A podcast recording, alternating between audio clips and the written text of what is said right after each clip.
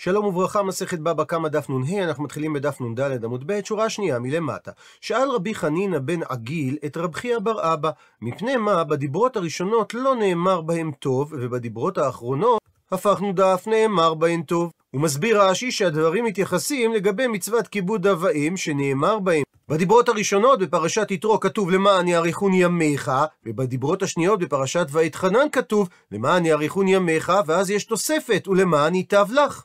אמר לו רב חייא בר אבא לרבי חנינא, עד שאתה שואלני למה נאמר בהם טוב, שאלני אם נאמר בהם טוב אם לאו, שאיני יודע אם נאמר בהם טוב אם לאו. ומהגמרא אצלנו מסיק תוספות בבבא בתרא דף קי"ג, שאכן פעמים ניתן למצוא אמוראים שלא היו בקיאים בפסוקים.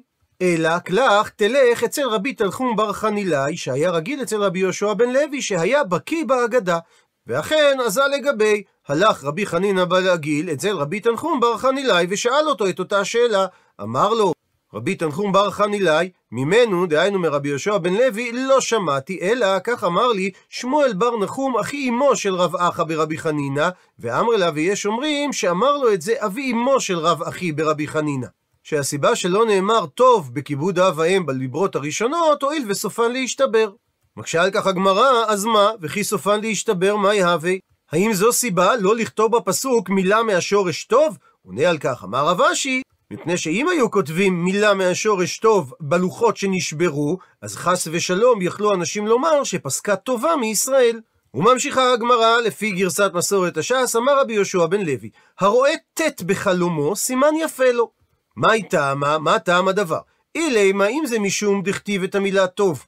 באות ט', אבל יש אפשרויות נוספות. אימה תאמר, שייתכן והאות ט' שאותו אדם ראה בחלומו רומזת למה שכתוב בישעיהו נקרא בפתים ושמתיה למורש קיפוד ואגמי מים ותתתיה במטאטא השמד נאום אדוני צבאות שישעיהו מתנבא שהשם ישמיד את בבל השמדה גמורה כמו אדם שמטאטא את הלכלוך מהבית לגמרי. מתרצת הגמרא אחת ט' כאמרינן רבי יהושע בן לוי התכוון לאדם שראה ט' אחת בחלומו ולכן זה לא מתאים למילים שנאמרו בישעיהו ששם יש שני ט' ממשיכה הגמרא ומקשה, אימה תאמר שזה אולי רומז למה שנאמר במגילת איכה, נקרא בפנים, טומאתה בשוליה לא זכרה אחריתה, ותרד פלאים, אין מנחם לה, ראה אדוני אתוני, כי הגדיל אויב. אז אולי האות ט' שאותו אדם ראה בחלומו מרמזת למילה טומאתה. מתרצת הגמרא, ט' ב' כאמרינן. רבי יהושע בן לוי התכוון שאותו אדם ראה בחלומו את האותיות ט' וב'. ממשיכה הגמרא ומקשה, אימה תאמר שייתכן שזה רומז למילה בתחילת הפסוק באיכה, טבעו בארץ שעריה, איבד ושיבר בריחיה, מלכה ושריה בגויים אין תורה, גם נביאיה לא מצאו חזון מאדוני. אלא אומרת הגמרא, הסיבה שאמר רבי יהושע בן לוי, שמי שראה ט' בחלומו סימן יפה לו, הואיל ופתח בו הכתוב לטובה תחילה. כי האות ט' שכתובה הראשונה בתורה נאמרה לטובה. שמהמילה בראשית עד המילים וירא אלוהים את האור, לא כתיב את האות ט'. הרי שהפעם הראשונה שהאות ט' מופיעה זה במילה טוב, וזה מעיד על כך שעיקר ההוראה של האות ט' היא לטובה. ומביאה הגמרא מימה נוספת ואמר רבי יהושע בן לוי, אדם הרואה הספד בחלומו, זה אומר שחסו עליו מן השמיים ופדאוהו ממיתה. ומסייגת הגמרא, הנימילי בכתבה. שאין הכוונה שהוא ראה בחלום חזיון שמישהו מספיד מישהו אחר, אלא שהוא ראה את התיבה של המילה הספד לבדה. ציטוט מהמשנה, וכן חייו העוף כיוצא בהם, וכולי. ועל כך אמר ריש לקיש, כאן שנה רבי, שתרנגול, טווס ופסיוני הם כלאיים זה בזה. מסביר רש"י שבמשנה שלנו, שאמר רבי שכלאיים נוהג בעופות, למדנו, דכל העופות שהמין בשאינו מינו, הם כלאיים זה בזה. הוא מזהה רש"י את הטווס כמין שנקרא paon בלעז, ואת הפסיוני כמין שנקרא שליו, שקוראים perdrix. הוא מרחיב על כך דוקטור משה רענן בפורטל הדף היומי, שהפסיון שעליו דיברה הגמרא, הכוונה כנראה למין פסיון מצוי שהובא לאירופה וגם לארץ ישראל על ידי הרומים בתקופת התלמוד. ויש עדות של השוחט ובודק רי"מ ברשטיין בספרו עולם התושייה, שסיפר, במשתי שרים שערכו ה Lord Mayor מרקוס סמואל ופאדיל פיליפס ז"ל, שחטתי פסיונים בפיקוח הרבנים, ולסיפור שלו יש השלכות גם לגבי סוגיית מסורת אכילת הפסיונים על ידי יהודים. ביחס לזיהוי הטווס כנראה מדובר על העוף שאנו קוראים היום טווס. כי רש"י ציין את שמו הלטיני של הטווס. ובנוסף לכך, אם אכן אנחנו מזהים באופן מדויק את התרנגול והפסיון, הרי שהברייתא מתייחסת לשלושה מינים קרובים גם מנקודת מבט טקסונומית מודרנית. ואכן שלושת המינים הללו נכללים בתת משפחת הפסיונים בסדרת התרנגולאים. הקרבה הטקסונומית מאפשרת הכלאות בין המינים, ולכן יש ביניהם איסור כלאיים. מקשה הגמרא פשיטא. מה בא רבי לחדש? הרי ברור שבשלושת המינים הללו שהם מינים השונים זה מזה יש איסור כלאיים. מבאר את הדברים אמר רב חביבה, שהיה צד לומר שאין בין המילים הללו איסור כלאיים, משום דרבו בעדי הדדי, כי הם גדלים זה עם זה, ולכן לולא דברי רבי במשנה, מה עוד תימה? מה היית חושב לומר? שאולי מין חד הוא. הם נחשבים כמין אחד ואין בהם איסור כלאיים. כמה שמלן, לכן היה צורך לרבי לומר לנו שיש איסור כלאיים זה בזה. ועוד באותו עניין אמר שמואל, אווז ואווז הבר כלאיים זה בזה, מפני שהם נחשבים מינים שונים. מה תקיף לה מקשה על כך רבא ברב חנא? מה איתה מה הם נחשבים מינים שונים? אילמה אם זה משום דהי אריך כועי והי זוטר כועי, שזה המקור שלו ארוך וזה המקור שלו קצר, אלא מעתה, על פי אותו עיקרון, גם לפרסה, גמל פרסי, וגם לתיאה, וגמל ערבי, דהי אלים כועי והי קטים כועי, שזה הצוואר שלו עבה וזה הצוואר שלו דק, הכא נמי, האם גם בהם תגיד דאבו כלאיים זה בזה? והרי ברור שהם אותו מין, אלא מביאה הגמרא שני הסברים להבדלים פיזיולוגיים בין אווז הבית לאווז הבר. הסבר ראשון אמר אביי, זה ביציו מבחוץ וזה ביציו מבפנים. מסביר רש"י שביצי הזכרות ניכרים באווז הבר מבחוץ, מה שאין כן ביצי הזכרות של אווז הבית. הסבר שני, רב פאפא אמר, התאונה חדא ביעתא בשיחלה. מסביר רש"י, אווז בר אינו טוען ביצה שנייה עד שהיא תלד את הביצה הראשונה, לעומת זאת, והא, האווז הבית, כן טעונה כמה ביעתא בשיחלה. היא טעונה כמה ביצים בטעינה אחת. ועוד בעניין כלאיים, אמר רבי ירמיה, אמר ריש לקיש, אדם המרביע שני מינים שבים, לוקה, כיוון שאיסור כלאיים מהתורה שייך גם בבעלי חיים שבים. ושואלת על כך הגמרא, מה היא טעמה? הרי באיסור כלאיים כתוב בהמתך. אז מה המקור לדברי ריש לקיש שזה נוהג גם בחיות שבים? אמר רבא בר אהבה משמי דאולה, עטיה, בא הדבר ונלמד בגזרה שווה, למינהו למינהו מיבשה. שאמרה התורה, ואת כל נפש החיה הרומסת אשר שרצו המים למיניהם, ולאחר מכן אמרה התורה, ויעש אלוהים את חיית הארץ למינה, ואת הבהמה למינה. אז לומדים גזרה שווה מהמילה למיניהם ומהמילים למינה. ואגב כך, באי שאל רחבה את השאלה הבאה, אדם המנהיג באיזה ושיבוטה, מהו הדין? מסביר רש"י, אדם שקשר קרון לעז ודג, כאשר זה צף על המים וזה מושך עמו על שפת הים, מי אמרינן שכיוון דאיזה לא נחית בים ושיבוטה לא סליק ליבשה, לא כלום אביד? האם אנחנו אומרים שכיוון שהעז לא יורדת לחיות בים, והדג לא עולה לחיות ביבשה, אז זה לא נחשב הנהגה של כלאיים? או דילמה או אולי, השתמיית, הרי עכשיו על כל פנים, כמנהיג. הוא הרי מנהיג את הקרון שקשור לשני המינים השונים הללו. מה תקיף לה? מקשה על עצם השאלה רבינה את השאלה הבאה. אלא מעתה, אדם שחיבר גרעין חיטה וגרעין שעורה בידו, וזרע את החיטה בארץ ואת השעורה בחוצה לארץ, הכי נמי, האם גם כאן נאמר דמיחייב? והרי לא ייתכן שהוא עובר בכך על איסור כלאיים, שהרי בחוצה לארץ לא נהגה מצוות כלאיים, שזו מצווה תלויה בארץ היא, וכל חובת קרקע אין נוהג אלא בארץ מן התורה. אז הפרדת מקום ודאי לא עונה על הקריטריון של יחדיו, ומדוע שנסתפק ביחס לאדם שהנהיג עז ושיבוטה ביחד, האם יש בזה איסור כלאיים? אמרי, אמרו על הקושייה של רבינה את הדחייה הבאה, הכי אשתא? מה אתה משווה בין שני המקרים? הטה, שם ביחס לאיסור כלאי זרעים, ארץ ישראל זה מקום חיובה, וחוצה לארץ זה לא מקום חיובה. ולכן במקרה שהבאת, שהוא חיבר חיטה ושעורה בידו, וזרע חיטה בארץ ושעורה בחוצה לארץ, ברור שאין איסור כלאיים, אבל לא משום שהם בהפרדה פיזית זה מזה, אלא משום שכלל אין חיוב מבחינת כלאיים על השעורה שנמצאת בחוצה לארץ. מה שאין כן הכה, במקרה של המנהיג בעיזה ושיבותה ביחד, אידי ואידי חיוב ההוא. בכל אחד מהם שייך איסור הנהגה בכלאיים בפני עצמו, וממילא שייך להסתפק האם שייך איסור כלאיים בהנהגה משותפת שלהם. הוא מרחיב על הדברים דוקטור משה רענן בפורטל הדף היומי. ראשית, ניתן להניח ששאלת הגמרא לגבי עבודה בעז ודג נועדה לברר נושא עקרוני, ולכן ייתכן ומציאות זו איננה ריאלית. מאידך גיסא, ייתכן ובחירת השיבוטה כדוגמה בספק שמעלה הגמרא, דווקא מצביע על היות השיבוטה דג גדול וחזק. ואכן הערוך מפרש, ושיבוטה מהו? פירוש שיבוטה זה דג גדול, כעניין בהמה גדולה בים. במהלך 150 שנות המחקר הועלו כמה הצעות לזיהוי השיבוטה. נביא את ההצעה שהועלתה לאחרונה על ידי הרב דוקטור ארי זביטובסקי ופרופסור זוהר עמר. הם מציעים לזהות את השיבוטה עם הדג הנקרא בערבית שבוט או שרבוט, ובעברית שיבוטה. שזה דג גדול מהסוג ברבוס ממשפחת הקרפיונים, שחי באגן הנהרות חידקל ופרת. באזור הזה דגים אותו באופן מסחרי, הוא מגיע לאורך של 2 מטר ומשקל של כ-60 קילוגרם. והעובדה שדג זה גדול מאוד יחסית לדגי נהר, הופך אותו כמתאים להיות בן זוג לעז בעת משיכת קרון. הרב זביטובסקי ופרופסור אמה רומזים לסיבת הכישלון של החוקרים שקדמו להם בזיהוי השיבוטה, מפני שהם פעלו באירופה או בארץ ישראל. הם מציעים לחוקרים העוסקים בזיהוי שמות לפתוח את מחקרם בבדיקת שמו של המין בשפות המקומיות הנהוגות באזורים בהם נפוץ המין הנחקר. דבר זה לא התבצע על ידי החוקרים הקודמים, שהיו רחוקים מאזורי התפוצה של השיבוטה.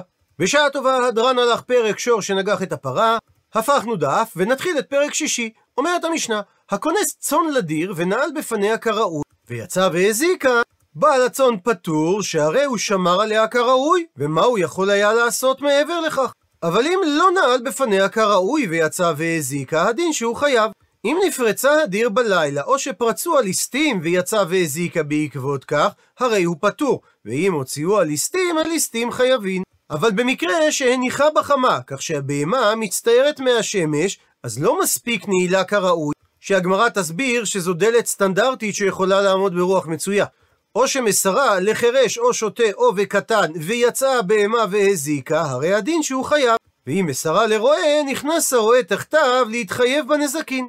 במידה ונפלה הבהמה לגינה באונס מגג בעלה הסמוך לגינת חברו, או משום שהייתה רשות הרבים גבוה מן הגינה והיא נפלה לגינה באונס, ונהנית הבהמה מפירות הגינה, הדין שהיא משלמת מה שנהנית, מסביר רש"י שהתשלום הוא לפי ההנאה ולא לפי ההזק.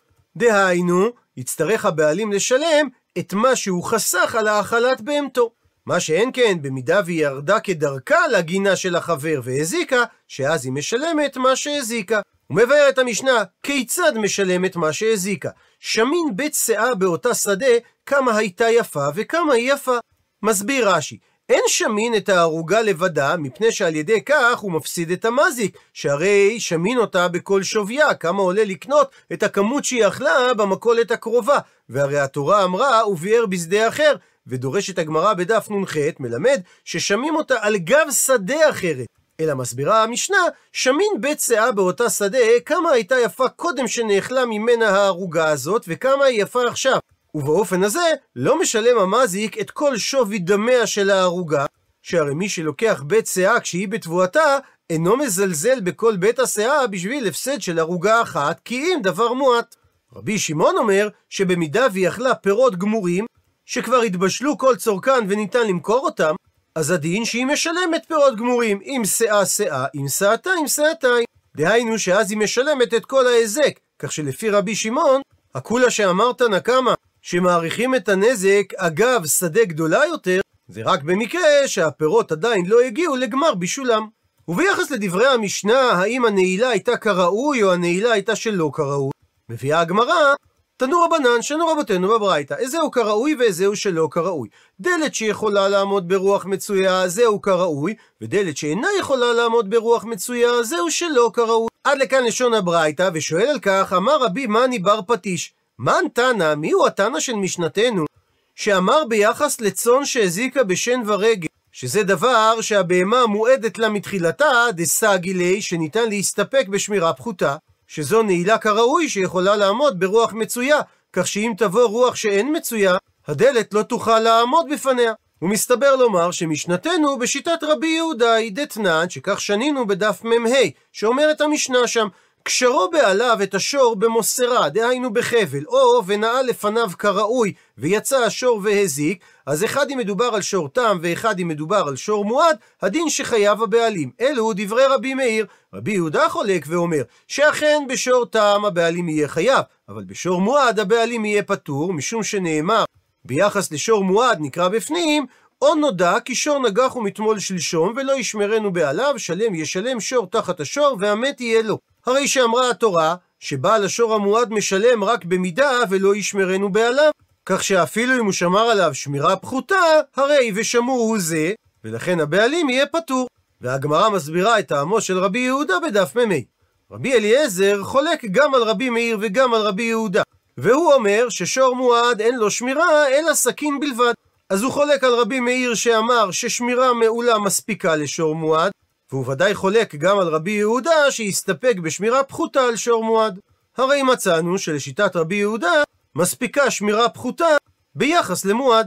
דוחה הגמרא את דברי רבי מאני בר פטיש, אפילו תימה ניתן אפילו לומר שמשנתנו כשיטת רבי מאיר היא, שאני ושונה הדין ביחס לנזקי שן ורגל, דהתורה מיעטה בשמירתן, דאמר רבי אלעזר, ואמר לה, ויש אומרים, במתניתא תנא, שהדבר נשנה בברייתא.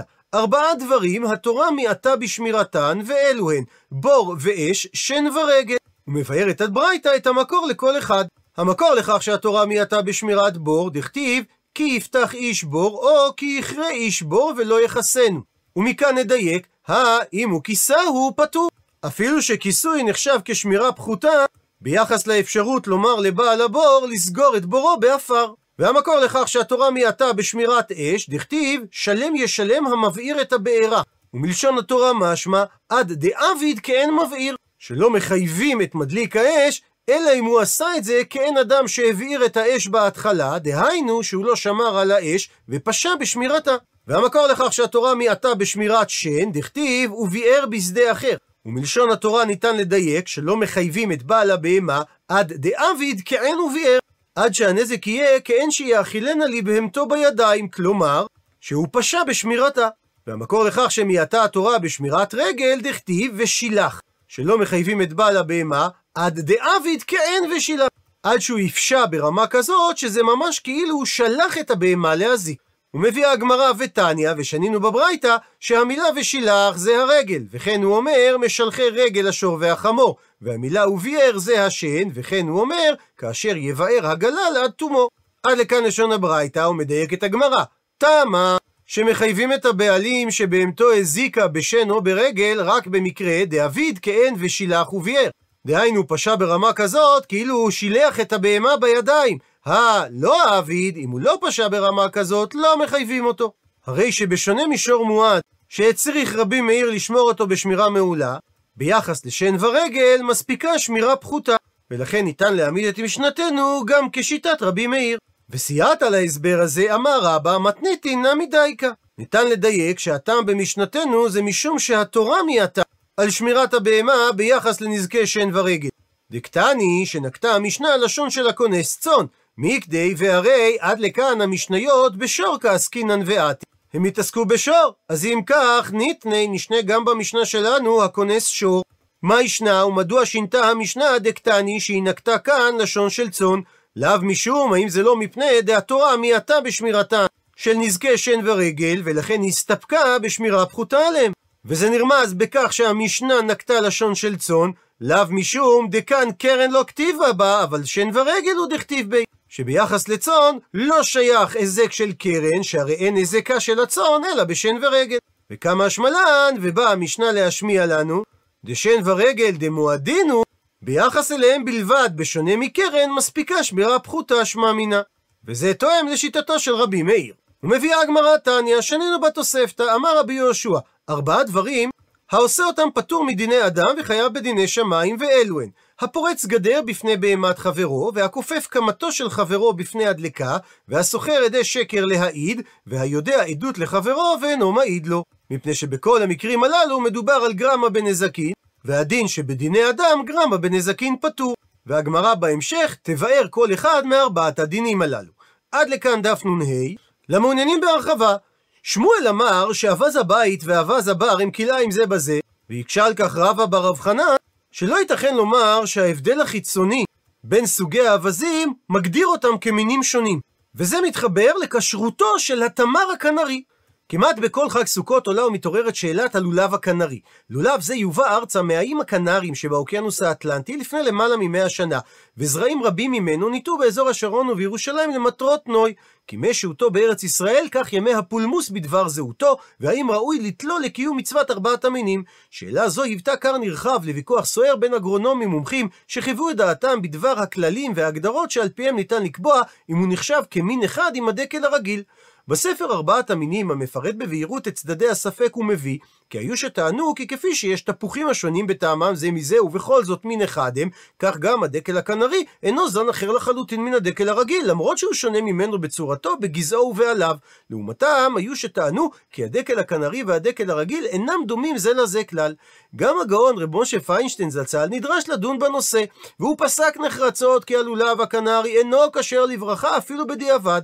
בהכרעתו זו הוא מסתמך על הסוגיה שלנו, שבה מבואר ששינוי חיצוני במבנה גופו של אווז הבר, כגון שצווארו ארוך, אינו גורם לכך שנחשיבו כמין שונה מאווז הבית. מאחר שייתכן שהם מין אחד, ומקומות הגידול השונים שלהם השפיעו על מבנה גופם. רק השינוי האנטומי, לפיו אווז הבית מטיל ביצים אחדות בבת אחת, ואילו אווז הבר מטיל ביצה אחת בלבד בכל הטלה, והביצה השנייה כלל אינה נוצרת עד להטלת הביצה הראשונה, זה הדבר שמורה לנו כי שני מינים המה. אז כאשר נעקוב אחר גלגוליו של הלולב הקנרי, אומר הרב פיינשטיין, ניווכח כי ניסיונות רבים מספור שנעשו במקומות רבים ושונים, לא הצליחו לעקור את טעמו המר כלענה של פרי הדקל הקנרי, לעומת פרי התמר הרגיל הידוע במתיקותו. הווה אומר שאי אפשר לתלות את מרירותו של פרי הדקל הקנרי בשינוי אקלים וכדומה, שהרי גם בארץ בה גדל הדקל הקנרי המקורי אין הוא מוציא פירות מתוקים, ולפיכך הדקל הקנרי שונה בתכלית מן הדקל הרגיל ושני מינים שונים המה.